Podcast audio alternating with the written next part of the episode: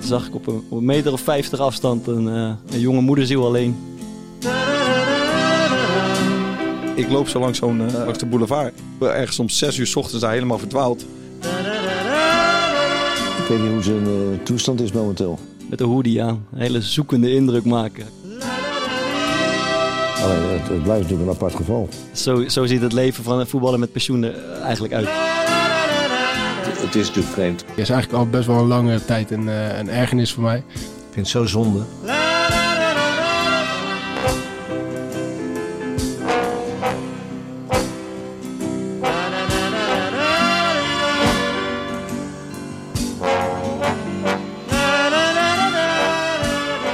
Wat is een core podcast zonder een keer stil te staan bij het beroep van onze naamgever? Over die mysterieuze rol van de rechterhand, van secondant, van knecht en steun en toeverlaat. Kortom, de rol van assistent-trainer. De man op de achtergrond die soms jarenlang onder de radar blijft. De pionnenzetter die zich in sommige gevallen al ellebogen door de trainerskamer kan opwerken tot Atje Interim. Of zelfs tot hoofdcoach. Is het een ondankbaar bestaan of een droomberoep? Is de assistent inwisselbaar of niet te vervangen? Dat staat vandaag centraal. In de Core Podcast. Goed, Clubje Hoog, zijn we weer. We zitten er. weer. Ben je eh, wel te verstaan vandaag? Ik ben iets dichter bij de microfoon eh, gaan zitten. Dus eh Was weer niks. het heeft niks met Easy Toys te maken dat ik er zo dichtbij zit. Maar Leuk. Nee. Oh, leuk je weer eens te zien. Ja, gezellig jongens. Televisieshirt aan. Ja, de- die, die, die, die eerste keer eh, dat ik hier was, eh, is, was het niet opgenomen volgens mij. Is het niet uitgezonden. Nee, En die vorige was ineens uitgezonden. had ik mijn televisieshirtje niet aan. Dus eh, je dacht, eh, ik grijp mijn kans even. ja, Lekker. ja, belangrijk. Ga jij er eigenlijk nog dat eh, analysewerk ook doen bij, eh bij Rijnmond? Ja, Bu- buiten alle als het goed is 15 wel. dingen die je ook nog eh daarna Ja, ziet. ik moet wel even wat keuzes gaan maken, denk ik, eh, in mijn leven. Maar eh, sowieso wel lekker om keuzes te maken af en toe in je leven. Nee, maar nee, dat, dat vind je niet makkelijk, dat ik... nee, nee, liefst zou ik gewoon alles, alles doen. Maar dat kan niet altijd. Nee, eh, op, op maandag of, of vrijdag, als het, als het uitkomt. Kun je Sparta weer gaan analyseren. Ja, Leuk. kan jij me weer van alle ins en outs eh, voorzien. Ja, ja, ja. Dat vond Ja, ik wel de- leuk. De, de, mol, de mol van Ja, de Sparta-groep. Maar hij is wel gek. hij, moest, hij was een keer co-commentator geloof ik bij Sparta. ging hij mij van tevoren bellen of ik nog wat even wat ins en outs over de opstellingen. We hebben toen een keer zitten luisteren, weet je dat nog? In de, dat dat in de die- rust ging die. Dat was volgens mij die keer, Dat was geweldig. denk ik.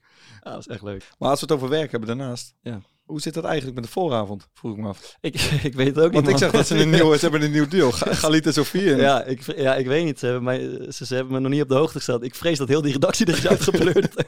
Want ze hadden eerst uh, Fidan en eh Renze Klamer. En die zijn, er, eh, die zijn eruit, die zijn. En nu hebben ze twee nieuwe presentatoren. En ik heb niks meer vernomen. Dus ik denk dat ik er ook uit ben gekegeld. heb, heb jij uiteindelijk ook zeg maar, dingen opgenomen die niet eh, uitgezonden zijn? Die al Eh, klaar stonden, een soort van. Denk het, ik denk het niet. Ik weet niet. Heb jij die met die korfbal toevallig? Je hebt ze allemaal gekeken. Die korfballen heb ik niet gezien. Die was echt kut. Ik heb met die, met die schaatsen, die was heel goed. Die eh Oro Yoko. Ja, die heb ik, Ja, dat die was- heb ik ook gezien. Er was eentje was Dat nog... was vet met dat licht, stoppen, met dat, stoppen. ja, met dat lichtsteunen en zo. Ja, en dan, ja. eh, Er was eentje nog kut, dat was met die korfbalster. Maar die hebben ze volgens Oh. mij nooit uitgezonden. Hoe verzin je het, hè? Dat je Goed, hè? interview gaat doen terwijl je aan het sporten bent. Ah, dat is een nieuwe, nieuwe media. Goed. Ik Eh, wil even één ding. Zijn natuurlijk best wel bezig met nieuwe rubriekjes en zo. En dat woonkamerpanel, die zit gewoon echt letterlijk bomvol. Ja, nu, dus mensen kunnen zich ook... Ja, je mag er nog aanmelden, maar Komt er, niet, er komt op de wachtlijst. ja, komt er niet meer in. Hè? Exclusief Maar- groepje. Hadden natuurlijk... Ik had ja, maar gedacht dat dat ruilen met René eh, storm zou gaan lopen. En, en wel wat? We krijgen ze echt aan de straatstenen krijgen we die handen, krijgen we handschoenen verkocht. Dus, Maar, weet, dus, maar misschien lukt het René op de achtergrond wel, dat weten we nog niet. ik, ben heel, ik denk het ook niet eigenlijk. Maar Ik weet het ook niet. Valt die dan zo in het water, dat rubriekje? ja, ik denk, ja, misschien Nee, moet ik het... geloof nog. Ja, Ik ik geloof weet, het, ik weet het niet, man. Misschien Dat- kunnen we nog één keer gewoon Er had- er dus iemand die had ons een, ehm, of mij een, een taalkursus eh, Afrikaans aangeboden. Ja. Of Als ik, eh, omdat we het over hadden dat ik dan misschien eh, in, in Stellenbosch zou willen voetballen. Ja. Dus die heb ik gewoon letterlijk zelf gemaild of hij niet die taalkursus nou wil ruilen voor die handschoen. dan kunnen we misschien toch verder, maar geen reactie meer Ja, maar opgegaan. dan ga je die taalkursus volgens weer voor iets anders ruilen. Ja, Ja, maar ik denk toch dat die taalkursus wel wat aantrekkelijker is dan die handschoen. Want Ja, ik minder zou- aantrekkelijk kan die in ieder geval niet zijn. Want, Ik zou Afrikaans willen leren. Nou, dan, nou, dan kan jij misschien weer wat moois aanbieden. En eh, mijn, rechter, mijn rechter voetbalschoen. En die gebruik je toch niet. Die is goed Bijna om nooit gebruikt. dan nog één keer die oproep. Wil je die handschoen van Maarten, die rechte handschoen van Maarten? Dan moeten we wel iets moois Want we moeten naar dat Louis Vuitton tasje. en die gaat geveld worden. En het gaat allemaal weer naar het goede doel. Maar dan moet je die mensen allemaal weer voorkomen blijkbaar. Een, een, eh, stapje voor stapje. Ik bedoel, we hoeven niet gelijk de hoofdprijs te krijgen voor die, voor die rechter handschoen van jou. Nee, dat, dat stapje voor stapje nemen ze wel heel serieus. Dat is een beetje hoe jij stapjes zet eh, de laatste jaren. Ik heb nou wel nog iets, iets meegemaakt wa- wat ik, wat ik met jullie eh, wil bespreken. Is eigenlijk al best wel een lange tijd een, eh, een ergernis voor mij. Ik hoop dat, dat, dat jullie me ermee kunnen helpen. Maar ja, ik heb dus die, die bakfiets, hè, vinden jullie wel. Hè? Geweldig. Een beetje, eh, Je grappig kwam net maar- mooi aan op die Ja, bakfiets. eh, maar ik, ik vond het ook moeilijk in het begin, maar uiteindelijk blijkt dat echt een topding te zijn. Dus ik ga regelmatig met Rosa, mijn oudste dochter, ga ik fietsen. Die gaat dan gewoon zitten en dan ga ik een rondje om de plas, weet je wel. En als het mooi weer is, dan zijn die fietspaden daar bij de plas zijn best wel druk. En dan kom je wel eens een hardloper tegen die dan besluit om aan, tegen, mij, tegen mij in, zeg maar, aan mijn kant van de weg eh, eh, te hardlopen. Ja. Zodat ze je zien aankomen. Maar ik heb dus, ja, zodat ze mij zien aankomen. Maar ze zien dus niet dat ik hem niet, dat ik niet uit kan wijken. Want als ik uitwijk, dan, dan komt er nou ook nog een fietsen. eh, dus, zeker met die bakfiets, is een probleem. Dus ik vind eigenlijk dat er een soort van publiek debat gevoerd moet Dat worden. we daarmee over- moeten kappen. wie, wie is daar ooit mee En begonnen? dat komt, ik denk, als je zeg maar, dat heb ik ook aangeleerd vroeger. Als je bijvoorbeeld in het buitenland in de bergen loopt, als je gaat hardlopen of zo, dan is het volgens mij de bedoeling dat je dus aan de linkerkant loopt. Want dat, als dat zo kronkelt en er komt een auto, zeg maar, die uit, eh, uit jouw zicht komt, zo naar beneden, dan kan je als hardloper makkelijk uitweiden. Begrijp je wat ik bedoel? Dan zie je die auto aankomen in plaats van dat... Want het die- kan dat dan in die bocht de auto jou niet ziet. En dan zie jij hem aankomen, dus dan kan je uitwijken. Dat- Maar ik dan denk moet hij dat dus wel is- uitwijken als Als- ik doe dat ook als ik in, in, Ja. de, in de Ja, berg dat loop. doen ze dus niet. Maar in Nederland staat het, als er geen soort van... Ja, ik weet niet of deze theorie ergens op slaat, maar in Nederland lijkt het me waardeloos. Ja, ik begrijp dus niet waarom je op de verkeerde weghelft gaat hardlopen. Zodat je dus als hardloper Ik ziet wat eigenlijk er- sowieso niet dat je gaat hardlopen. Maar, zodat je als hardloper ziet wat jou tegemoet komt en dan makkelijk kan uitwijken. maar ze wijken niet uit. Nee. Ja, en hoe, hoe los je dat op Dus- dan? Ja, nee, ja, Je bent al vier keer frontaal geklapt. Nee, nee, nee. Maar uiteindelijk lost dat zich wel op. Maar er zijn wel een paar hachelijke momenten geweest, zeg maar. Dat, dat ik dacht van, ja... Ik heb bij één keer zelfs geremd. Stond ik gewoon stil tegenover die hardloper. Ja, ik kan niet uitwijken. Ik weet dat er iemand lu- luistert altijd, die gaat zich... eh, die wil zich volgens mij verkiesbaar stellen voor de gemeenteraad in eh, Rotterdam. Kijk. Dus dit lijkt me een heel goed punt. Kamervraag. Dit, ja, gemeenteraadvragen zijn dit. Nee, maar ik vind wel belangrijk dat dit opgelost wordt. Want- Maar ik vind dan om... Ik merk, ik zie echt dat je hiermee zit om je dan een wat beter gevoel te geven. Ik, eh, Jij loopt niet meer hard. nee, dat, ik, ik ga niet... eh mij kom je daar niet tegen. Nee, ik was in, in Italië een paar dagen.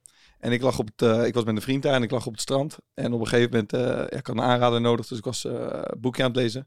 En hij ging even onze podcast luisteren. Hij had hem nog niet gehoord, de laatste. En ik hoor hem op een gegeven moment echt helemaal stuk gaan. Dus ik kijk er zo aan en hij zo met zijn handen heen en weer slaan. Dus hij zegt zo pau- pauze. Hij zegt, pik die verhaal. Wat een maloot weer. Heeft hij weer die vlag gestolen. Dus dat, dat hij dat verhaal te luisteren. Maar we zijn uiteindelijk zijn we... ehm, je, je kon daar op stap. Want wat ze dus in Italië doen, de clubs zijn daar niet open. een vlag? eh, Ja, dat is- dus de clubs zijn daar niet open, maar restaurants wel. En die betalen dan de politie dat, ze niet, eh, dat de politie niet komt. En dan gaan er gewoon om 11, 12 uur al die stoelen weg. En dan Ja. gewoon een soort nachtclub. Eh, maar wij konden geen taxi terugvinden. Dus op een gegeven moment liepen we ergens om 6 uur 's ochtends daar helemaal verdwaald. En ik loop zo langs zo'n eh, een stuk langs, het, langs de boulevard. En ik ben ook kwijt. Dus ik hoor ook ineens, denk ik, 50 meter achter me. Hey, Peck, moet je kijken.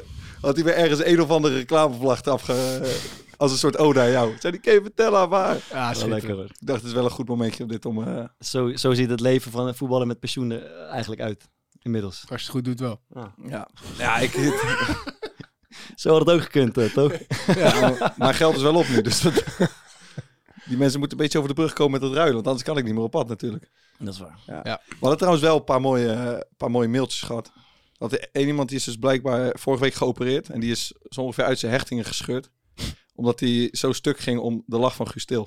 Is ook lekker, hè? Ja, cool. hij was enthousiast. Hè. Er waren dus twee soorten reacties. Mensen vonden het of superleuk. En wat een leuke gozer. En wat een verademing. En blijkbaar zat hij bij Andy van der Meijden een beetje stijf in de, in de auto. En andere mensen die vonden ten eerste dat mijn stem heel ver weg was. En die vonden zijn lach nogal wat overheersend. Ja. Maar ik kan me daar niet echt wat bij voorstellen eigenlijk. Nee. Ik veer overeind als we Guus stil horen lachen. En laat hem even horen.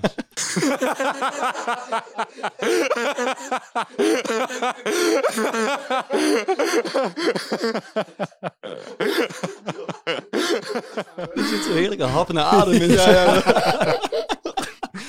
Maar hij begon ook echt lekker. Hè? Die gozer vloog erin. Ja, er lekker in. Ja, was mooi. Ik vond het echt mooi. Ik liep, eh, ik liep gisteren weer eens eh, op de meente, zoals ik meestal mijn mi- mijn middagen slijt. En toen zag ik op een, op een meter of vijftig afstand een, eh, een jonge moederziel alleen met de hoodie aan. Een hele zoekende indruk maken. Hij kon wist zich weer geen raad met de situatie.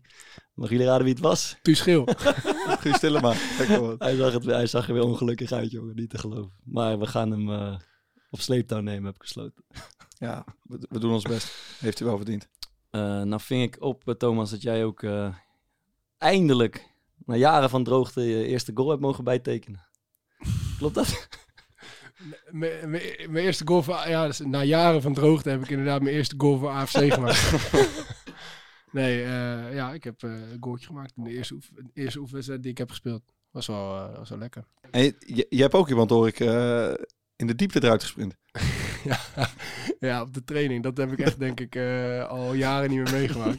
En op een gegeven moment, ik, ik, ging, ik ging nog wel regelmatig diep, ook bij Sparta en Excelsior.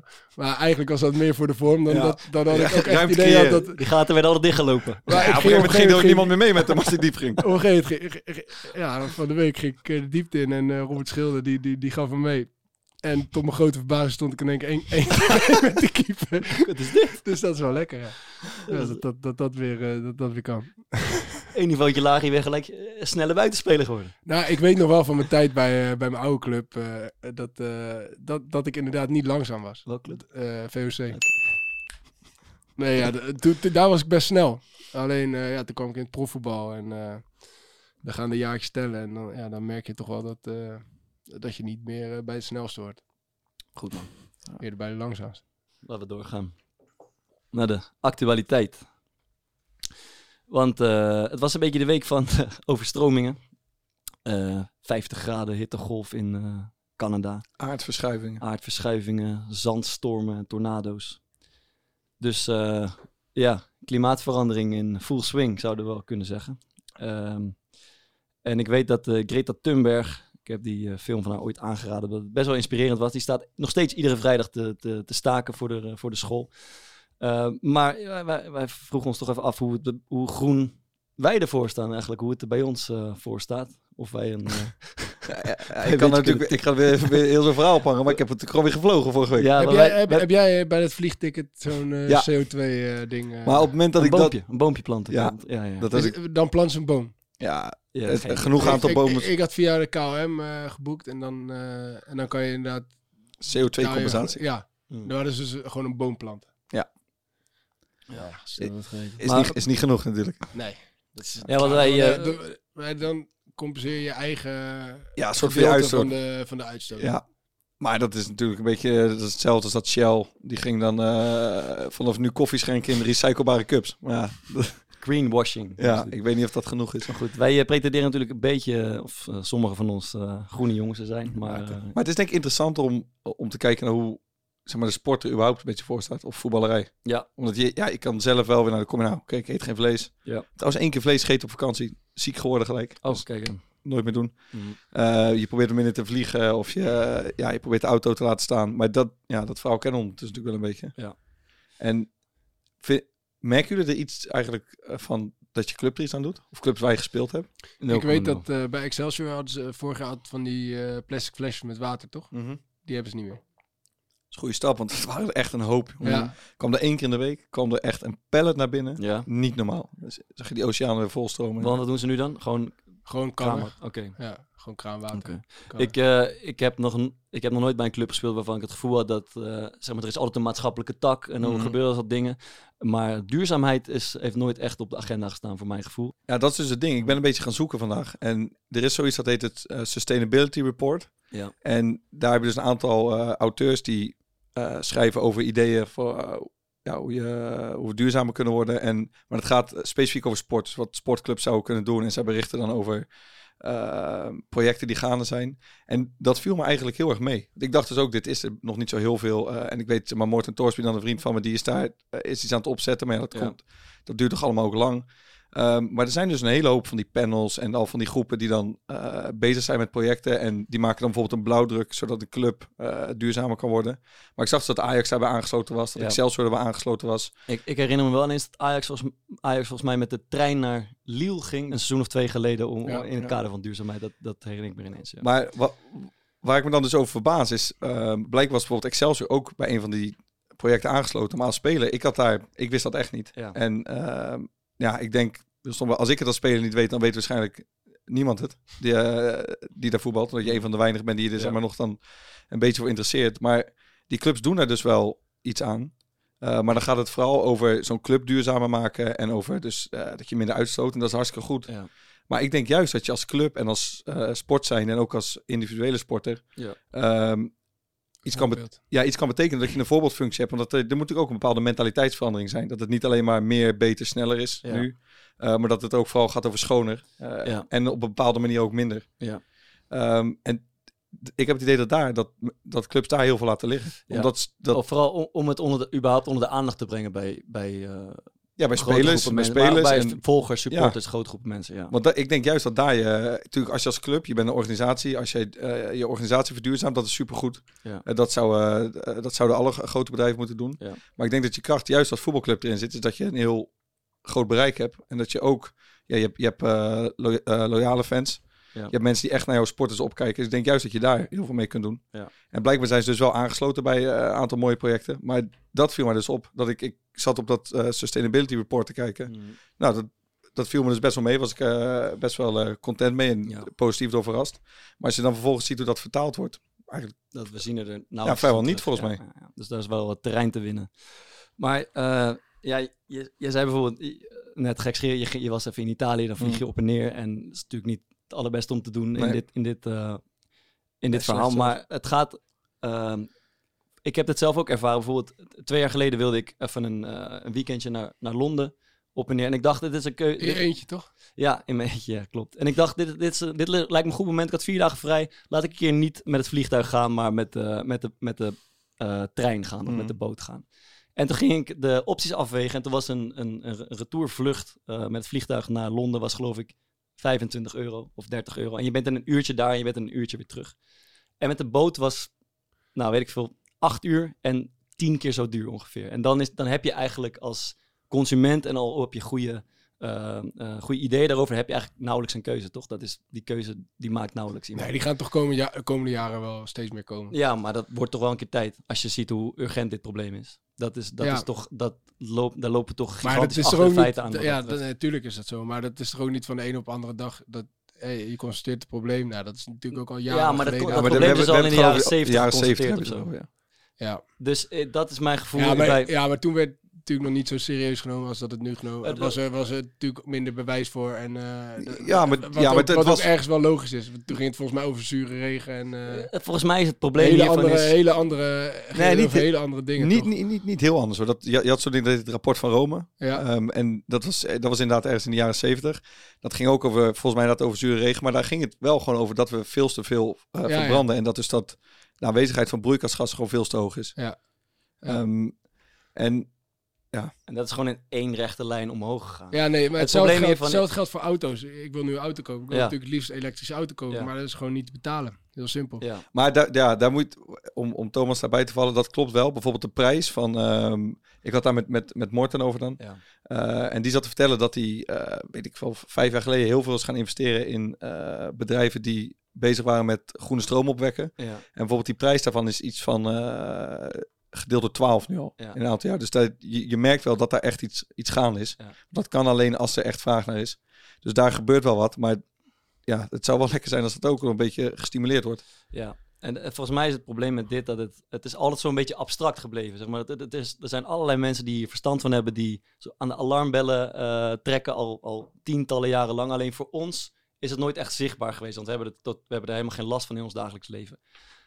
Totdat je nu, en het is, misschien is het een beetje een rechte lijn, maar je ziet nu met die overstroming en dat extreme weer, nu wordt het ook voor mensen een beetje tastbaar. Waardoor er een soort van urgentie komt om er eindelijk iets aan te doen misschien. Ja, ik, Ja, ik denk dat dat in principe niet anders had gekund, toch? Nee. Dus dat, dat zoiets pas, eh, Ja. dat, dat, dat, dat er pas gedragsverandering op, optreedt wanneer de mensen echt gaan voelen dat, eh, dat er iets gaande Maar dat is toch een leiderschap, dat is toch als je als... ehm, Nee, ja, tuurlijk. Als je als samenleving, of als je als van hogerhand weet dat dit een gigantisch probleem nee, ja, aan het ben worden ik is, dan is dat helemaal met je eens, maar dat is gewoon hoe het werkt, toch? En, en, en het, het moeilijke is bijvoorbeeld eh, toen zo'n rapport van Rome uitkwam, dan had je gewoon eh, bijvoorbeeld de auto-industrie, eh, bedrijven zoals Shell, Ja, die het is gewoon echt, dit is letterlijk bewezen, die betalen mensen om gewoon nepnieuws over te verspreiden. Ja. Ja. Dus daar komen er gewoon officiële wetenschappers, worden Ja. gewoon betaald. Het zijn gewoon transacties van duidelijk van, dat gaat dan over tonnen of miljoenen dollars.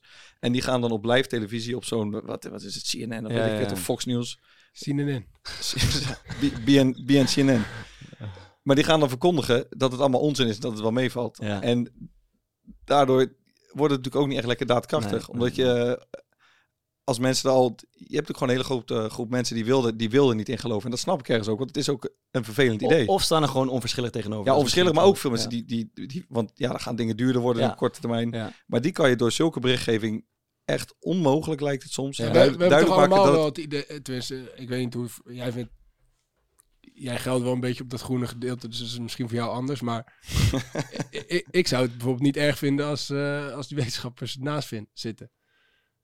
Dus, dus ik denk dat iedereen dat toch wel een beetje heeft, dat je eigenlijk hoopt dat het niet zo is. Ja, maar het, Precies, dat is zo. Maar dat, ja. Ja, Dus Ja, maar het dat- is ja, maar dat- maar, maar ja, dus, maar ja, aan de andere kant begrijp ik. Dat is mijn eh, punt, Ik, Dick. ik, Ik zit snap helemaal het. op jullie, op jullie lijn, maar ik begrijp ook dat heel veel mensen pas denken dat mensen pas urgentie voelen op het moment dat hun Dat eigen, zelf maar ik snap het. hun maar- eigen achtertuin in de Nee, maar mijn punt is dat je dus zulke mensen, ehm, door dat, bijvoorbeeld dat verspreiden van dat fake news, die denken dus ook echt Ja, ja. dat ze een goed punt maken. Ja. En dat wat ik, ik snap het, dat mensen dat, ja, ik, ik eh, had ook chill gevonden als ze ernaast zaten.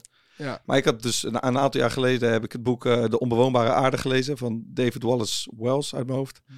En die beschrijft, eh, die had dus al die onderzoeken van de EU, noem maar op, al die panels samengevoegd. Ja. En die had gewoon een aantal scenario's. de meest slechte scenario's beschrijft hij daar. Dus wat er kan gebeuren bij Ja, 3 ja. graden opwarming, bij Ja. 3,5, bij 4,5, bij 2,5. Eh, en je ziet gewoon letterlijk nu dingen gebeuren in Europa die daar gewoon geschreven staan. Ja. Ja. En de, ik heb het volgens mij wel eens eerder gezegd. Ik kan me gewoon niet heugen hoe vaak in de laatste vijf of tien jaar Ja. je op het nieuws hebt gezien. Ja, er is nou overstroming, dit gebeurt eens in de 100 jaar. Ja. Dit is een hittegolf eens in de 100 jaar. En dan het jaar daarna gebeurt het weer. Laagterecord, Ja. van alles hebben we gezien. Ja. Ja. Ik, ho- ik hoorde iemand, eh, ik geloof ergens op televisie, opperen. eh, en dat was een serieus voorstel. Ik vond het helemaal niet zo gek. Je hebt zeg maar nu eens in de zoveel tijd die persconferentie van Mark Rutte eh, eh, over de coronacrisis. En dat, dat staat ook voor een zekere urgentie, Ja. toch? Van dit is van belang wat hier gebeurt. En ik hoorde iemand opperen dat eigenlijk hetzelfde zou moeten gebeuren. eh, eens in de zoveel tijd een persconferentie over dit Klimaat. issue, omdat, di- deze, eh, omdat, omdat dit issue nog veel meer urgentie heeft dan corona eigenlijk. En dat Ja. stipt dus, dus ja, hoe staat het ervoor? Eh, waar zijn we mee bezig? Eh, waar gaat het nog mis? Welke Dat- maatregelen? ja, Nee. maar ik vond het eigenlijk, dat was misschien gekscherend, maar ik vond het eigenlijk helemaal niet zo gek. Wel grappig dat die Willem Engel, die speelt er dan ook al op in. Want die heeft nu al Oh, ja? ontkend dat het in eh, Limburg allemaal niet gebeurd is. Ah ja, natuurlijk. Zou jij maar. Wat? Dat, Hij het, is wel heel verdacht. Wij, wij hebben hele grote vragen bij, eh, vraagtekens bij het feit dat het enige punt in Nederland dat boven de zeespiegel ligt, overstroomd is. ja, echt.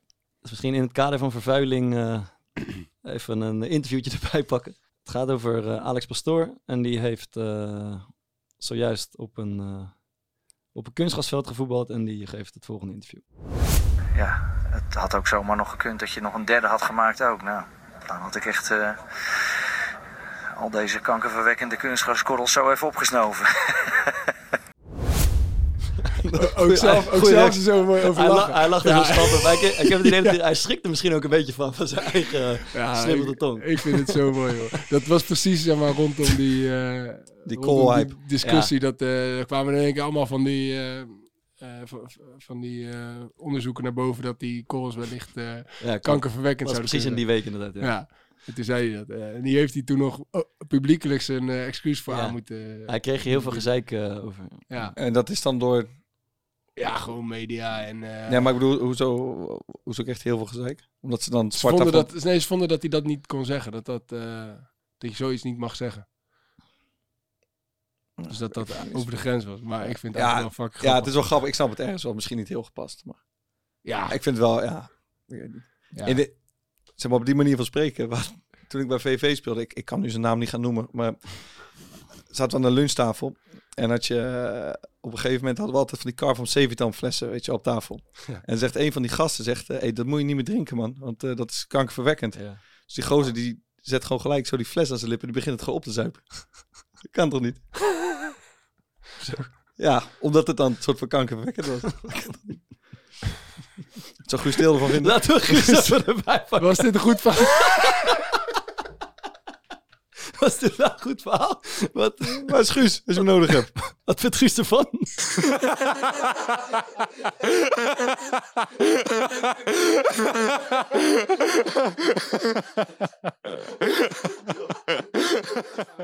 Guus vond het leuk. Laten we doorgaan over... We zijn nog niet eens begonnen over die assistent zo. Nee, daar- laten we daarmee beginnen, jongens. Ja, laten we naar de assistent-trainers eh, gaan. Want Thomas, je hebt het net benoemd, jij bent eh, eh, toegetreden tot het eh, rijk der assistent-trainers. Ja, het is op zich het lijkt mij persoonlijk, ik, zeg, je, het lijkt mij, ik denk dat jij er geen moeite mee hebt, maar het lijkt mij best ingewikkeld als je dus eerst één of twee jaar in, in zo'n selectie eh, speelt en daar als speler eh, een Ja. rol hebt en dat je dan eigenlijk na de zomervakantie ineens in de trainerstaf zit en dan tot een hele andere verhouding tot die spelers hebt. Lijkt mij Ja, eh, dat is één dag, één dag is dat even Ja? raar. En hij niet echt raar, want in principe ben ik niet, eh, ben ik gewoon nog steeds bijna exact hetzelfde als, als, als wie ik was als speler. Dus wat dat betreft is het niet moeilijk. Maar je weet dat spelers op een bepaalde manier naar de technische staf, dus je weet precies wat er, wat er gezegd is. Maar ja, dat boeit het eigenlijk niet. Maar dus die eerste dag dat je daar aankomt en jij loopt in één keer in een ander shirt, dan, dan, dan zei je, ja, dat is eventjes Is, wel, het, is het raar, dus, eh, raarder met de trainers onderling of met de jongens met wie je vorig jaar gespeeld hebt? Nou, eigenlijk is het niet echt raar. Maar het geeft gewoon heel eventjes een ongemakkelijk gevoel. Maar het is wel grappig wel hoe, hoe dat is gekomen, zeg maar. Want wij van die popgesprekken, eh, die, die heb je ook gehad, denk ik, Maarten. Bij, eh, bij Excelsior. Toen je nog speler was. Ja, en die eerste, die eerste die is dan ergens in, eh, wat zal het zijn, november, oktober. Dus ik, en ik, en ik speelde toen niet. En ik vond dat ik hoorde te spelen, dus ik, ja, ik ging naar dat popgesprek helemaal vo- goed voorbereid om eh, echt een zaak te maken dat ik, dat ik moest spelen. En toen uiteindelijk was de uitkomst van het popgesprek dat de trainer aan mij had gevraagd van ja, wat nou als je contract hier niet verlengd wordt, zie je het dan wel zitten om, om betrokken te blijven Ja, in, eh, in, in een andere rol. Ja. Dus ja, dat, is een beetje, dat was een beetje pijnlijk. ja, want je had dat gesprek echt zwaar voorbereid. Ja, en toen kwam je eruit en toen zei ik van, en eh, ik was heel benieuwd van, hoe ging het? Zei je, ja, wel goed. Ik, ik kan assistent trainer worden. Ja, uit, uit mijn baan mijn aangeboden. baan aangeboden, dat zei hij. ja. Dat is wel kut. Nee, nee, maar eh, uiteindelijk was het helemaal niet op die manier. Maar dat, dat vond, ik wel, eh, vond ik wel grappig. En eh, zo, hoe bevalt het? Ja, goed. Ik vind het echt leuk. Ik ben dan verantwoordelijk voor de individuele ontwikkeling van de aanvallers en aanvallende middenvelders Mhm. officieel. Maar ik vond het heel belangrijk dat als ik er was, dat ik dan wel echt onderdeel was van de technische staf. We hebben heel vaak, denk ik, een trainer gezien of een individuele trainer, linietrainer, weet ik het wat, die eventjes aankomt kakken en dan eh, Ja. een trainingje geeft en, en, en dan weer weggaat. Dat wilde ik echt bewust niet. Dus, dus eh, ik word eigenlijk overal wel in betrokken en dat vind ik wel, eh, vind ik wel tof. Want er is een soort eh, hiërarchie, toch? Meestal in de trainerstaf. Je bent niet de enige assistent, denk ik. Er is denk ik nog één of twee bij. Ja, je hebt, er zitten nog eh, tw- twee andere assistenten Ja. en een, eh, en een keeperstrainer. Ja. Je hebt wel het gevoel dat je... Waar sta jij in de hiërarchie? Als je Ja, maar, de hoofdtrainer hier hebt, Onderaan. onderaan het laddertje. ja, ik sta onderaan. Ik ben ook de enige, die, die anderen zijn allemaal fulltime. Ja, ja. Dus die zijn er altijd. Oké. Dus eh, ja, dat wordt een hoop ellebogenwerk. eh. nee, nee, nee. nee. Het is, ik, ik weet- het is voor mij gewoon een mooie plek om. Ja. eh, ik, wil- ik wil echt een eh, carrière gaan maken als trainer. Dus Ja. dit is gewoon een mooie start. Maar ik heb dus ook al een keer in de. eh, qua man tekort bij de VCT. Dus heb ik al kort partijtjes meegedaan. Dat is eigenlijk het mooiste. Ja, Dan vond je je beste dag als trainer was als speler. Ja, Lekker. ja, dan hoop je iedere dag dat er een spelertje afhaakt op het laatste moment dat jij kan invallen. Nou, niet echt. En eh, Rondo, mag je meedoen? Ja, een rondootje beginnen we altijd mee. Doe ik, doe ik wel altijd Ja, Oké, dat, dat lijkt me gewoon waanzinnig. Ja, Maar we hadden het al even over, want we, gaan het dus, we hebben het dus over assistent-trainers. En volgens eh, ons zijn er verschillende types, type assistent-trainers. Eh, en een daarvan is eh, ontegenzeggelijk de trainer die niets te vertellen heeft, maar eigenlijk vooral de pionnetjes buiten zet. Daar, daar is denk ik altijd één van. Laten we ja, eens bedenken wat, wat we nog meer hebben. Volgens mij heb je... Ja, de, de, de net gestopte speler. Ja, Zoals Thomas Vaar. Ja, of ja, de, ja. Nick van der Velde dat denk ik bij AFC ook. ja, Je hebt eh, de schreeuwert. ja, Of de fanatiekeling, want dat hoeft niet per se negatief te zijn. ja. En is dat dan degene die eh, zeg maar, eh, het hardste keer gaat tegen de vierde man of, of tegen de... Ja, je hebt er tegen twee. de Je, je hebt, die hele, je hebt zo'n hele emotionele schreeuw, eh, zeg maar, eh, in de dugout. Ja. En je hebt er eentje die dan met kleine partijen de boel opzweept. En Ah, ik, ja, ben- ja, ja. ik ben heel gecharmeerd van de tweede. En van de eerste werd ik altijd een beetje melig Ja, in de dugout. ja, mooi. Ik denk, ja de, ik. De, de, de- volgens mij heb je vaak ook een, eh, een tacticus. Niet, niet in iedere ploeg, maar er is altijd één assistent trainer die tactisch net iets meer geschoold is dan... Weet je, Dwight Lodewegens denk ik. Ja, eh, heet het? Sipke, Sipke Hulshoff lijkt me ook zo iemand. Geen idee. Eh hoe heet die? ik eh, heb ook echt geen idee, maar dat lijkt me... het zegt mij, zeg me Ik helemaal weet niet wie dat is, joh. Ja, die is tegenwoordig... Eh, dat is ook zo'n... Klinkt als een schaatser. die, nee, nee, die is wel eens, die, die komt van Cambuur. Die is daar toen op een gegeven Ah. moment was hij hoofdtrainer. En die heeft toen heel bewust gekozen om... eh, Is hij nu nog steeds assistent- daar? Ja, hij, was bij, hij is toen naar Volendam gegaan. Afgelopen jaren. En nu zit hij bij Jong eh, Feyenoord. Ah, Oké, ik weet dat ze bij Cambuur ook een hele goede assistent hadden. Ja, dat Ja, is, dat eh, is Van hij. der Heijden, toch? Sander Ja, van ja, der Sander van ja. Daar heb ik ook goede verhalen over. Maar ja, er zit altijd, dat is een soort van een tactisch brein achter het elftal. Niet e- elke club heeft het geluk dat ze zo'n assistent-trainer hebben, maar ik, was, aantal ik, ik was bijvoorbeeld bij, eh, bij Helmond en had je Wil Boesen als, eh, als hoofdtrainer. Ja, En die- dat was echt, die zei dat zelf ook, ik ben een, een manager. ja, ja. dus ja. die deed dan gewoon, die wilde eigenlijk Maar dat- alleen maar dat je go- goed in je vel zat. Ja, maar dat staat er eigenlijk gelijk aan. Ik heb niet per- heel veel verstand van voetbal, Ja, maar ik ben, ja, ik ben meer met het gevoel ja, in de groep bezig. Ja, maar dat zei hij ook. En Ja, dan oké. hadden ze, zeg maar, de eerste assistent, die deed echt de veldtraining. Is dat En- die uh, Driesen, geloof Nee, ik? die ken je ook, Frank, Frank Verkempen. Oh ja, eh, joh? Jong ah, kijk. Ja, dat vond ik. Ik, ik zag die... ehm, eh, kijk, over het algemeen, ik heb in veel teams gespeeld waar de assistent-trainer eigenlijk niet echt een rol van betekenis speelt.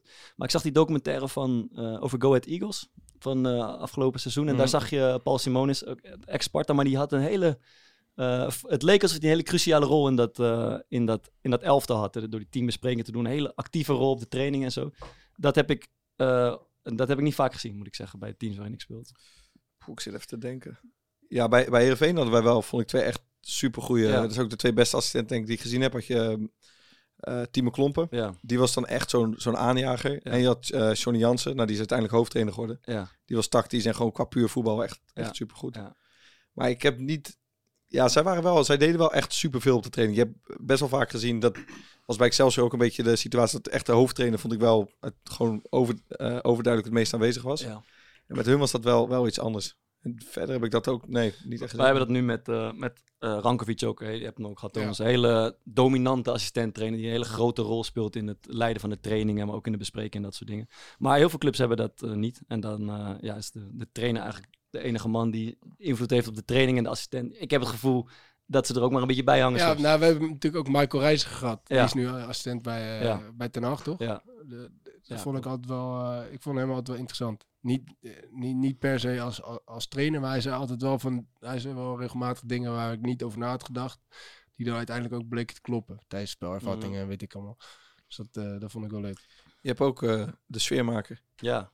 Die, ja, dat, ja, dat is een... eh, wat, wat is het voor type? Ja, Paul Bosveld bij, bij, bij, bij Jong Oranje. Ja, is dat Hij had een hele serieuze bespreking gehad. En dan liep hij als laatste van die staf die, eh, die, die camera uit en de keek je even zo aan. Die, Wat is een Even voor de even- ja. wat voor de ja, ja, die, kijkt, als- die kijkt er met zijn hoofd van... Jezus, wat een serieus gezeik allemaal. Ah, ja, ja. Maar dat is ook een klein, dat is ook een klein steek, een messteekje in de rug, in de rug bij de trainer natuurlijk. Ja, misschien, misschien wel. Ja. Maar die, eh, die kwam dan ook s'avonds als ze dan alles die bespreking had. En dan kwam die snel eh, even aansluiten bij ons kaartgroepje. Gewoon even Ah, erbij, ja, beetje ja. even staan. Een Dat beetje ja, ja. Mensen tikjes op de oren geven. En even eh, misschien, misschien een potje meespelen, een bakje doen. En dan ging hij weer weg. Ik zie, ik zie Thomas opveren, die rol zie ik voor hem ook al weggelegd. Je hebt ook volgens mij de, een beetje de, eh, de cultuurbewaker. Of, sommige clubs Ja. hebben een soort man die, ja, die een soort ereplek krijgt in de staf, maar misschien het niet per se verdient, maar alleen maar verdient op basis van eh, wat hij daarvoor voor de club heeft betekend als speler of zo. Ja. Dus die eigenlijk, dat, toch heb je bij een aantal clubs, Ja, zo'n zeker. man die, daar, die zit dan als tweede of derde assistent en die wordt eigenlijk, er wordt een soort werkverschaffing. Ben je maar, die wel eens tegengekomen zelf als eh, speler? Eh, ja, ja, ja, ja, zeker.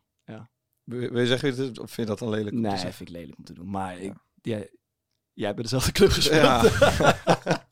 Ja, ik, heb er, ik heb er wel een aantal gezien hoor. Ja. ja. Ja. Maar die, zit, die hebben dan een soort... ehm, ja, die hebben een verleden bij de club als speler. eh, jarenlang de dienst uitgemaakt. En, en ja, hebben dan, krijgen, zijn dan misschien niet geschoold genoeg om, om eerste trainer te worden. En misschien is assistent ook echt te hoog gegrepen. Maar dan hangen ze een beetje als tweede assistent zo. En die kunnen zo jarenlang, 10, 15 jaar lang bij die club hangen. Toch? Die doen, Zitten. die doen het ei-vormpje met de die, die pakken ook de pionnetje. Jij, jij, jij hebt dit niet meegemaakt, toch?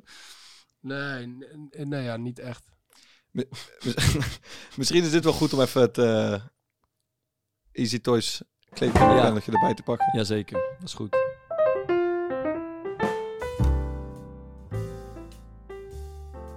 Easy Toys kleedkamervibraties. Wat, eh, wat hebben we gedaan? Eerste stelling. De meerderheid van de assistenttrainers die ik heb gehad waren, en dan kon je kiezen uit waardevol of waardeloos. Dus dit is onder, eh, wat is het, 100 spelers, Ja. eh 100 profspelers uitgegaan. En eh, ik ben eigenlijk wel benieuwd naar het antwoord. Wat, wat denken jullie? Hoe het Ik denk waardevol. Ik denk waardeloos. Ongeveer 60% zegt waardevol. dat is toch veel. En hè? 40% zegt waardeloos. Dus toch 40% Ik- van de spelers vindt toch dat het... eh, dat- We hadden, Ja. we hadden hem zeg maar ehm, eh, eruit gegooid. En Ja. dan zie je die eerste antwoorden binnenkomen. En het waren echt de eerste 10 of 20 of zo. Die Ja. hadden allemaal zeg maar waardeloos gedaan. Jezus, we gaan, we gaan gaat dit naartoe? Ja. Ja, ik, eh, ik eh, geloof. Dat zou mijn antwoord ook zijn hoor. De vraag is, de meerderheid van de assistenttrainers die ik heb gehad, is waardevol of waardeloos? Ah, ja, kijk, ik heb natuurlijk ook niet bij de grootste clubs gespeeld. Dat kunnen we van jullie ook zeggen. Maar het niveau van de assistenttrainers was niet bepaald... eh, die, die, die liften niet zeg maar het niveau Ja, ik heb een aantal gehad die er echt die er, die eruit sprongen. op. Ja, waar je echt veel ook. aan gehad hebben. Die ook, eh, dat vond ik heel fijn als, als jonge jongen dan aanvoelen wat jij even nodig hebt. Ja. En een keer even misschien een eh, extra praatje met je maken. Ja. Of zeggen dat je niet zo druk eh, moet maken. Ja.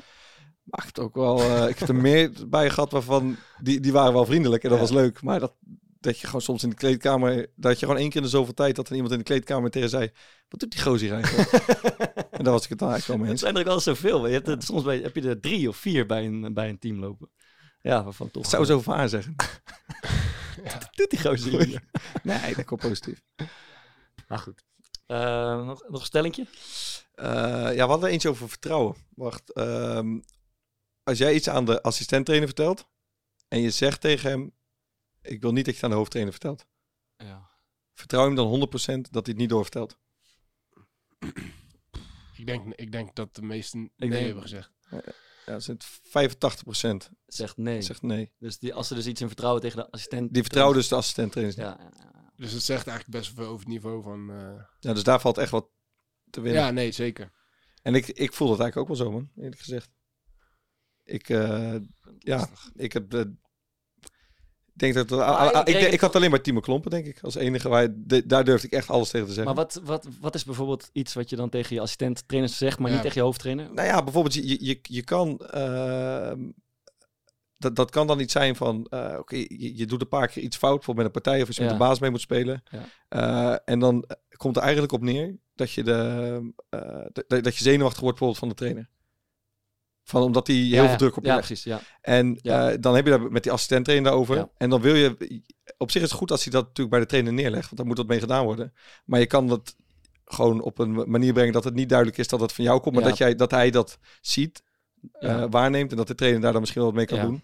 Maar ik heb ook wel eens gehad dat je zoiets aan hebt aangegeven en dat dan vervolgens de trainer naartoe komt. Hey, ik hoorde dat je. ja, dat- ja, precies. Ik, ik heb eigenlijk denk ik nog nooit iets tegen een assistent-trainer gezegd waarvan ik niet wilde dat het tegen de hoofdtrainer werd. Maar ja, dat, een assistent is wel, eh, voor mij, het is wel een wat makkelijkere drempel, of een ja, wat makkelijkere contactpersoon dan de hoofdtrainer. in sommige Ja, nee, is ook dat zo. is zeker, zeker zo'n, zo'n, er is altijd een assistent die een beetje tussen de groep staat Ja. en zo. Dat is, Hij zit vind- ook een groot gevaar in dat je eigenlijk iedereen met iedereen een beetje mee gaat praten. Zeker, en, eh, ja, eh, zeker.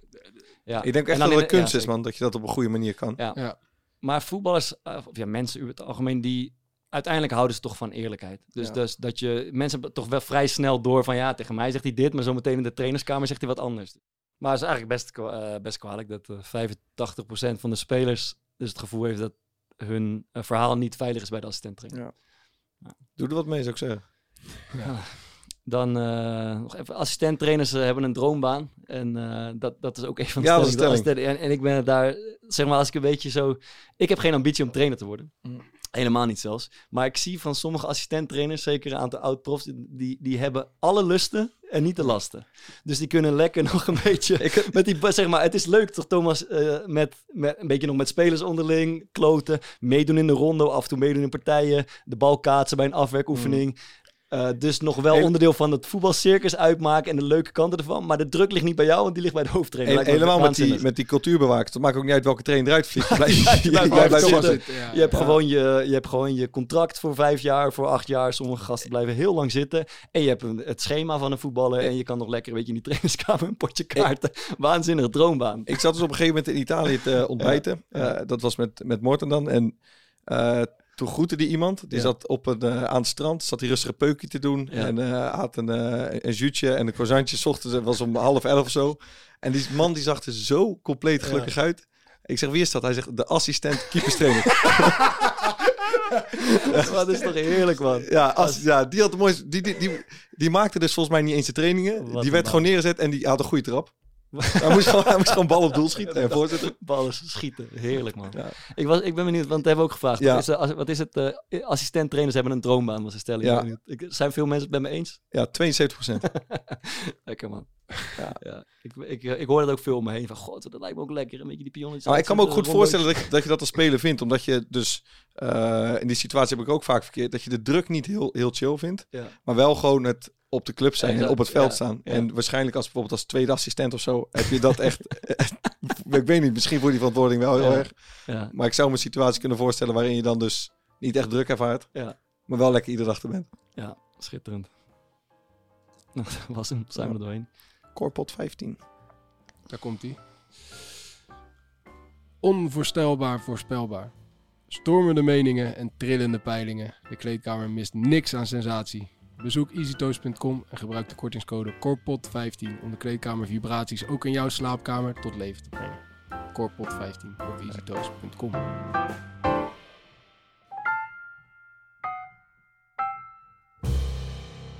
Ja, we hadden hem eigenlijk uit moeten nodigen. Ja, dit was eh, eh, bij Die uitstek types heb je ook, hè? Corpot trouwens. Die gewoon meeliften met iedereen. Ja, ik, ja, ik vind Ja, maar- een beetje- hij zit er een beetje tussenin overal. Hè? Want hij is eigenlijk niet echt de pionnenzetter. Dat, daar, daar, daar doet hij eigenlijk nooit volgens mij. Hij is ook niet de tacticus, maar...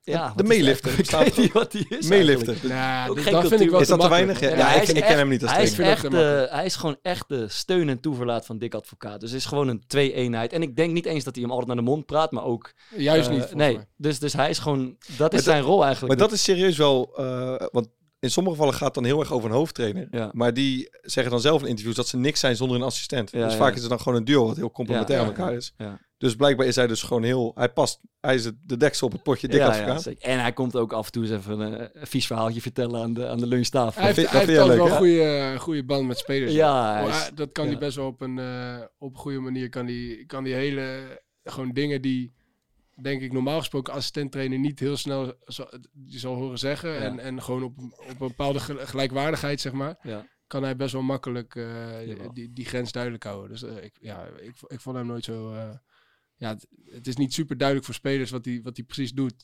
Maar ik, ik, ik, ik had wel het idee dat hij wel waardevol was. Zeker voor Dick Advocaat. Wat, wat, wat, wat voor type ben je eigenlijk? Net Nou zo ja, die... ik, eh, ik, ik kom natuurlijk net uit die spelersgroep. Dus ik ben, ik ben nu iemand die, die denk ik eerder een beetje tussen de spelers en de, en de trainers in staat. Dan dat ik echt, eh echt superveel autoriteit heb, zeg maar, eh, als, als trainer. En, en ik denk dat dat juist heel goed kan zijn. Want da- daarmee hou je een soort van informatie op uit de spelersgroep die belangrijk kan zijn voor trainers. En andersom kan je ook een hoop misverstanden voorkomen, denk ik, die regelmatig ontstaan omdat trainers of dingen niet duidelijk vertellen of dat ze gewoon verkeerd begrepen worden. Dus ik denk dat dat eigenlijk wel goed is.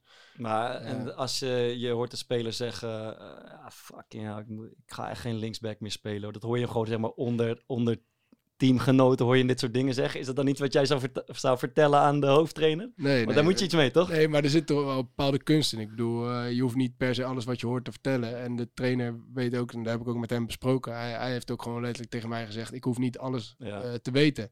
Alleen, eh, ja, je hebt gewoon inderdaad een bepaalde loyaliteit naar de, naar de trainers aan de andere kant en de Ja. spelers. Dus, en, en daar moet je gewoon eh, heel bewust mee omgaan, denk ik. Ik denk eigenlijk, er is best, ik zat er even over na te denken, er is best een gat te vullen. Want kijk, eh, jullie weten ook, als je gewoon in een seizoen zit, in dat riedeltje van trainen en de wedstrijd, is er eigenlijk nauwelijks ruimte voor individuele ontwikkeling. Gewoon van één speler op zich. Die, iedere speler heeft nog ruimte voor verbetering, toch?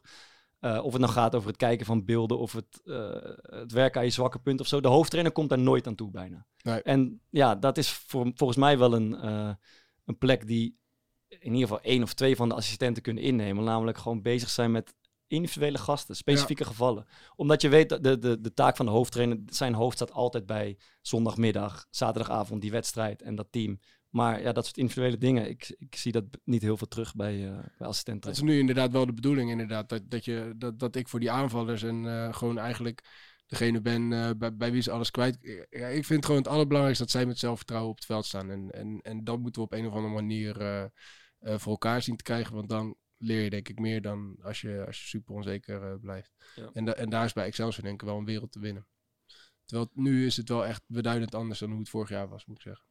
En, en wat, wat, ik ook echt vet vond, eh, en eh, dus ik vind, het, ik vind sowieso, daar hebben we het wel eens denk ik in de podcast ook over gehad, dat, eh, dat je, hoe je als team samenwerkt en hoe je afspraken maakt en, en, en wat je waarden zijn, wat je gedrag eigenlijk is. Ja, dat vind ik heel interessant. Dus, dus ik zat daar al op te hameren van ja, ik, ik heb dat gemist bij vorig jaar en het jaar daarvoor. En ik denk dat het heel belangrijk is om te doen. En, en toen zei de trainer op een gegeven moment tegen mij van hey, pak jij het maar op. Dus toen stond ik daar met mijn bek vol tanden.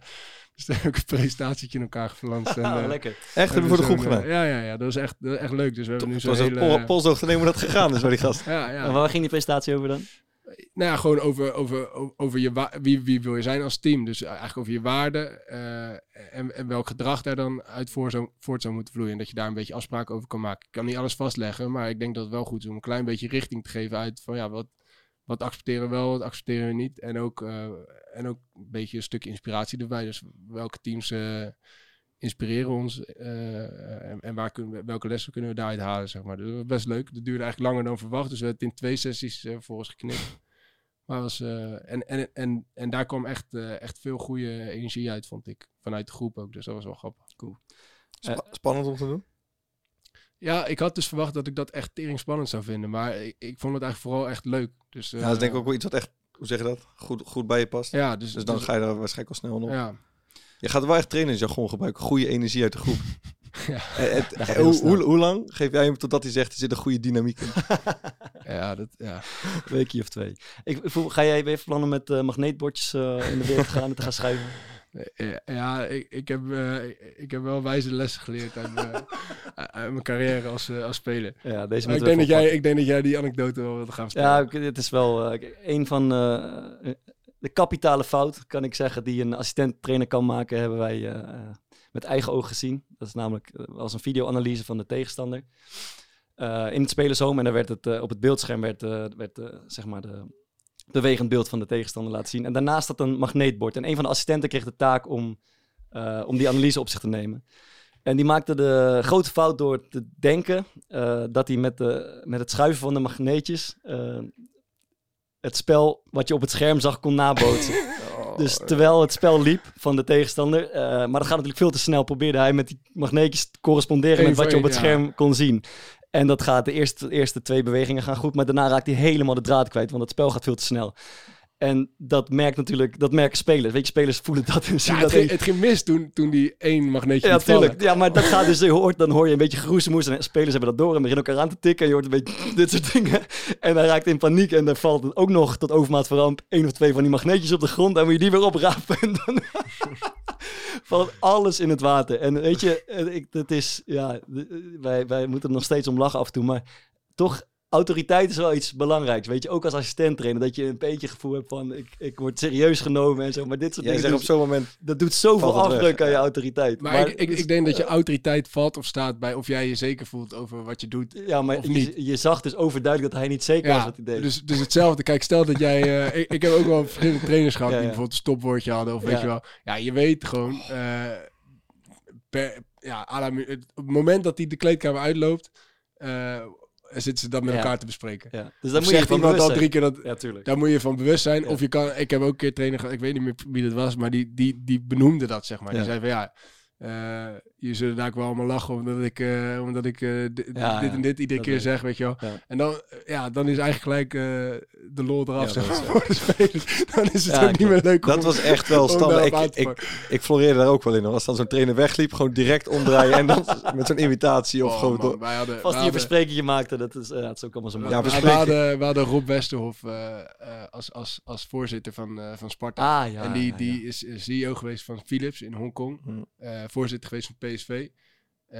En dat is echt een succesvolle man. maar en niet ook, normaal. Ik, ik vond het echt een geweldige, Ja. geweldige man. Ik kon echt goed met hem opschieten. En hij zei, hij was, hij was denk ik tegen de 90 misschien wel. Of Ja. tegen, Nee, ergens in niet ta- zo. ja, 80 tegen of zo. 80. Ja. Tegen 80 denk ik. Maar die, die had ook gewoon echt over, over de hele wereld nog het beeld van... Ja, het gaat daarheen, het gaat zo lopen. Dit wordt eh, trending en dit en dat. Dus hij was heel erg bij de tijd. Maar hij ging dan eh, eh, in mijn eerste seizoen bij Sparta... Ging hij in- kwam hij de kleedkamer in en ging hij wat zeggen. En toen zei hij in plaats van Jupiler League... zei hij Jupiter League. En toen hoorde je gelijk de trainer zo... Hij zegt Jupiter. dus ja, dan, dan wordt er gewoon een soort van... Ja, een lachige sfeer gecreëerd om Ja. een kerel die duizend keer succesvoller is geweest dan iedereen die in die kleedkamer zit. Omdat hij in plaats van Jupiler Jupiter zegt. Dat is zoiets ongrijpbaars. De, de- ja, een voetbalteam is ook geen makkelijk publiek Nee. hoor. Om Nee. een presentatie voor te Oh. houden. Jezus, zoveel cynisme en, Ja, ja. en allemaal haantjes en gastjes die Weet je alles oppikken. Ja, Ik weet niet of jullie dat ook hebben, maar ik heb heel snel dat als er dan zo'n gespannen sfeer komt van je mag niet lachen, maar je Ja, hebt iets grappigs door. En als je dan ziet dat iemand anders het ook door heeft, Ja. ja. dan ontplof ik gewoon bijna. Niet normaal. Dus ik heb de hele tijd samengespeeld met iemand, maar die had een echt een geweldige pokerface. Ja. En dus hadden we een trainer en op een gegeven moment kwamen de supporters in het... eh, we presteerden heel slecht, kwamen in het, in het supportzone kwamen er eh, supporters zeg maar ons toespreken. En die gozer had dus echt, aan hem zag je niks, maar je Ja. wist, want we hadden het daarna, en dan zei hij, eh, hadden we het daarna over, zei hij dat hij het zo mooi vond. Ja. En dan stond ik echt op ontplof en dan hoorde ik zo naast me alleen zo... en dan keek je zo, dan, dan, dan, draai je, zo- dan draai je zo om en dan zag je helemaal niks aan me. Dan ging ik weer weg en dan... Ah, verschrikkelijk. Dat je dan soms zo in lachen uitbarst, dat je maar zo, even, zo gaat hoesten en dan ga je naar je tenen toe. Oh, God, Oh. eh, ja, die, Dat is ook dus- lekker. En de allerergste is, en dat vindt hij alleen maar mooi dat ik het benoem, is, is Robin van der Meer. Ja. Die gaat je dus gewoon, die kan, die heeft iets over zich, die kan dan een soort van door een trainer heen praten, zonder dat de trainer het hoort. Maar op het moment dat jij het terugzet, hoort hij het wel. dat is echt, die gaat dan al, die gaat dus ook, ik, ik schop Bart nu, maar die gaat Ja. dan naast je, het gaat je eh, schoppen. En dan zit ik zo van, nee, nee. nee want ik wil niet, ik wil niet lachen, ik wil niet kijken. En dan zit je naar de trainer te kijken, maar die gaat de hele tijd door met tegen je aantikken. en gewoon tegen je praten, maat, maat. Hoor je dat? Maat. Echt verschrikkelijk. Ja. ja, het is een... Ja, eh, dus dat ga ik allemaal meemaken. Maar ik vind dat... Ik, ik, ik moet eerlijk zeggen dat ik daar niet bang voor ben of zo. Ik weet dat dat gebeurt. En, eh, en eerlijk gezegd zou ik er ook zelf moeten lachen, zeg maar. Als ik, als ik Ja. mezelf zou zien. Dus ja, Maar dat is dus het ding. Je, je weet dat dat gebeurt en dat is niet erg. Maar ik heb dus zo vaak bij, bij assistenten en ook bij hoofdtrainers. Die zijn dan zelf prof geweest, maar die reageren dan op situaties dat je denkt van, je bent toch zelf ook prof geweest? ja. Dus Ja, dat, Maar dat, eh, kijk, je hebt natuurlijk het idee dat je volledig voor lul gezet wordt. Maar in principe maakt het niet eens maakt het niet uit wie er, eh, wie er staat. Je, de- ah, er wordt sowieso gezocht naar iets om, Ja. om op aan te pakken. Maar- Ja, we we hebben alleen- trainen. Ik bedoel, eh, we- we- twee, Ja. onze assistent en onze hoofdtrainer, die zorgen er wel voor dat ze niet belachen. Die hebben het over Nee, zich heen dat ze niet belachelijk worden nee, gemaakt. nee. Ja, klopt. Maar, maar er, zijn, er zijn dus wel heel veel... Ik denk dat heel veel trainers soort van bang zijn om, Ja. Om, om, om- omdat zoiets over ze gezegd wordt. Ja. Het wordt er over iedere... Ik bedoel... Ja. eh, wo- wordt er ook over, over jouw trainer... Die heeft toch ook wel eens woordjes waarvan je denkt... Ja, dat zegt hij altijd en dan wordt er ook wel eens gezegd. Ja, uiteindelijk, het gebeurt, Dat gebeurt toch maar, overal, ja. Maar ja, dat, dat Maar het doet geen afbreuk aan zijn, Nee. eh, Nee. aan zijn autoriteit. Dan, eh, ja, aanradertjes. laat maar doen. Wie trapt af? Ik heb een mooie stad, Barcelona. Nee. hij zit zo erg mee dat hij weer... Is het nou een goed verhaal om zijn oren heeft gekregen? hij zit echt mee. Hij, is wel hij is al twee keer zwaar, zwaar dus een beetje eh, gepikeerd. Reageert hij op, op iets van... Ja, ja. Ik zit helemaal stuk. Nou, kom met je aanradertje. Ja, ik ben een mooi boek aan het lezen. Oh, verrassend. Ja, nou, De Ontdekking eh, van de Hemel heet het. Is van eh, Harry Mulisch. Iemand gelezen toevallig? Goeie duizend pagina's, als ik me niet vergis. Ja, 900 of zo. Maar het is wel, eh, het leest vrij vlot. Ik heb één boek, nee, twee boeken gelezen denk ik van Harry Moelis. Welke? De De aanslag? Aanslag en eh Siegfried. Ja, was die mooi? Siegfried is een mooi boek. Is jouw ja, aanrader? die heb ik gelezen voor eh toen ik op de middelba- middelbare Ja. school zat. Maar dat vond ik echt een mooi boek. Nou, dan ga ik die hier nalezen. Ja. Ja, wat ik altijd leuk vind aan een, aan een boek is eh, als je aan het lezen bent en dat je eigenlijk denkt van waar de fuck gaat dit precies heen? Ja. En dat je denkt van er zitten een aantal verhaallijnen in en Ja. hoe, hoe gaat dit nou in hemelsnaam ooit logisch zeg maar in elkaar Ja. Eh, eh, vallen? En ik vind het gewoon leuk als er meerdere lagen in zitten. Ehm, nou, dat is in dit boek echt extreem het geval. Ja. Dus ik, vond de, achter, de achterkant van het boek is vrij veelzeggend. Het is ehm, dit monumentale boek, waarin alle thema's en obsessies uit het werk van Harry Mulisch in 65 hoofdstukken bijeenkomen, is tegelijk een psychologische roman, een filosofische roman, een tijdroman, een ontwikkelingsroman, een avontuurroman en een alles overkoepelend mysteriespel. Dus veel diverser wordt het niet. Dus dat is. eh, en het is gewoon, het leest heerlijk. Het is echt een absoluut aanrader. De ontdekking van de hemel. Mij iets te dik, denk ik, maar... eh, Oh, ik het doen. Oké. Eh, ja, ik, eerst even iets waar ik, eh, waar ik me op verheug. En jullie denk ik ook. We hebben het ooit gehad over de beste documentaire van Nederlandse bodem. Foute Vrienden. Eh, Ja. Toch? Heb je ook gezien. Maar ik las eh, vandaag in de krant een interview met eh, Roy Dames, de, ma- Ja, de ja. maker. En er komt een vervolg. eh, en wel komende maandag, geloof ik, 2 augustus. Hij is, het geloof, ik geloof dat het 25 jaar Foute Vrienden heet. Dus hij gaat een, er komt een vierdelige serie aan waarin hij dus terugblikt met die gasten die nu denk ik 80 of 85 zijn. Maar me niet fucken. Dat wordt, ik denk dat het goed wordt. Wist je dat die Roy Dames, dat hij ook de maker is van Jos? Is Van zo? Nee. die, van die Ja, ja, eh, documentaire. Zou leuk zijn om een keer eh, iemand die documentaires maakt aan tafel te hebben. nice. Maar dat, eh, dat heb ik dus nog niet gezien, maar ik wou toch even, dat kunnen we toch gaan kijken maandag. Eh, ik heb geluisterd deze week naar de podcastserie Cocaïne Koorts. En dat is... eh, Wat ging is dat- dit? ging dat over jou? gewoon twee aanraders. ja, de eerste was een... Ging dat over eh, Bart of niet? De eerste was geen aanrader. Nee, dat was een... eh, eh, Attentie. ja, daar moeten we even op gaan letten komende. Ik heb het nog niet gezien, dus ik kan het niet aanraden. Toch? Ah, ja, dat is waar. Zie je al Maar- dat ik dat ook weet? Dat ik kan. Ja, dat je gewoon eh, attentie kan maken. Met jullie toestemmen, dit was ook de moeite waard. Cocaïne Koorts, eh, dat is een eh, vijfdelige podcastserie, elke keer een half uurtje. Je vliegt er doorheen. Het gaat over eh, hoe eh Ridwan Taghi eh, is opgekomen. Eh, Tagi. Maar zo wordt hij waarschijnlijk in die podcast genoemd. de, denk het ook wel even ik dacht al Tachi.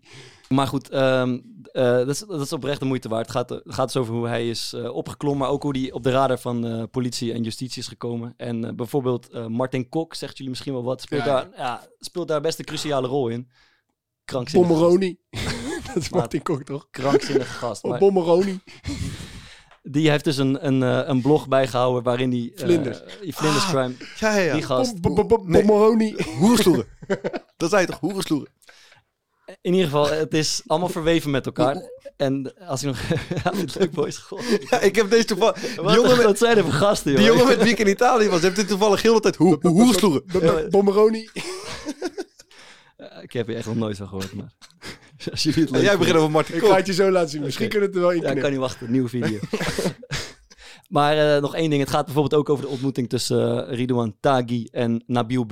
De kroongetuige die nogal een eh, grote rol in het proces speelt. En die kennen elkaar bijvoorbeeld van een avondje schaken in een koffiehuis. Eh, en, en er zitten nog meer van dat soort eh, best wel boeiende anekdotes in. En, en vooral uiteindelijk hoe het net rondom die Taghi is eh, gesloten. Cocaïnekoorts heet het, dus kijk maar of je er zin in hebt. Mooi. Thomas. Nee, klinkt, eh, ik, ik ben vet. altijd wel eh, bijzonder geïntrigeerd door, eh door Cocaïne. Ja, de cocaïne niet in het bijzonder, maar de onderwereld wel. Dus ik ga misschien wel luisteren. Maar ik had, eh, hè, de, de bioscoop zijn weer open natuurlijk, dus eh, ik, ben, ik ben helaas nog niet geweest, want eh, ik heb het een beetje druk.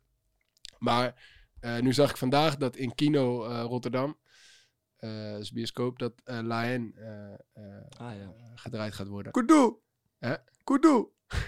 Nee, dat is Lion. Gewoon Oh, wat zegt hij dan? Lion. Ik zat Lion. Lion, ook een mooie film toch? Ja, ik denk hij zegt Lion. Ik denk eindelijk een keer een film die ik gezien heb. Ik haak erop in. Lion. Nou, La Haine, La Haine. Oh, Lion. La Haine, ja. Nee, maar die microfoon zit precies zo voor je mond. Dus ik, ja, ik hoor het alleen. Ik sta Lion. Ik denk, lekker, die heb ik gezien. Doe nog één keertje. Kudu. Ja, nee, La, eh, La Haine gaat over, eh, over drie eh, Franse gasten uit, uit zo'n voorstad in, in Parijs. Die tijdens van die eh, enorme rellen, eh, volgens mij, eh, of is een politieagent, die heeft iemand doodgeschoten. Of de, zijn wapen, ze hebben in ieder geval het wapen van die politieagent ge- gevonden. En uiteindelijk volg je gewoon die drie gasten. in het zwart-wit. En volgens mij is hij denk ik al 15 tot 20 jaar oud, denk ik, die film. Maar hij is eigenlijk nog steeds gewoon super actueel. Want het gaat over, nou ja, over kansengelijkheid en weet ik het wat. Dus dat is mijn aanrader. La. Mooi. Lekker man. Ik versta het nog steeds Lion. Maar maakt niet uit. Ehm, nog wat eh, huishoudelijks? Ehm, Nog een huishoudelijke mededeling van aard. Corepodcast.gmail.com En eh ja, we- Corepot15 op easytoys.com. En Clubje Haugen. Komen leuke shows aan. Kan je Ja. kijken. Eh, we gaan eruit met, de, met een liedje. Eh, Thomas heeft eh, het idee om een ontiegelijk kut nummer aan te raden.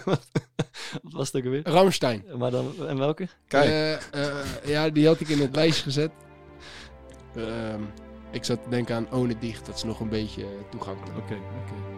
Wat betekent dat Bart in het Nederlands? Geen idee. Zonder jou? Ja. Voilà. Doei. Ich werde in die Tannen gehen, dahin, wo ich sie zuletzt gesehen. Doch der Abend wirft ein Tuch aufs Land und auf die Wege hinterm Waldesrand. Und der Wald, er steht so schwarz und leer. Weh, die Vögel singen nicht mehr. Ohne dich kann ich nicht sein. Ohne dich. Mit dir bin ich auch allein.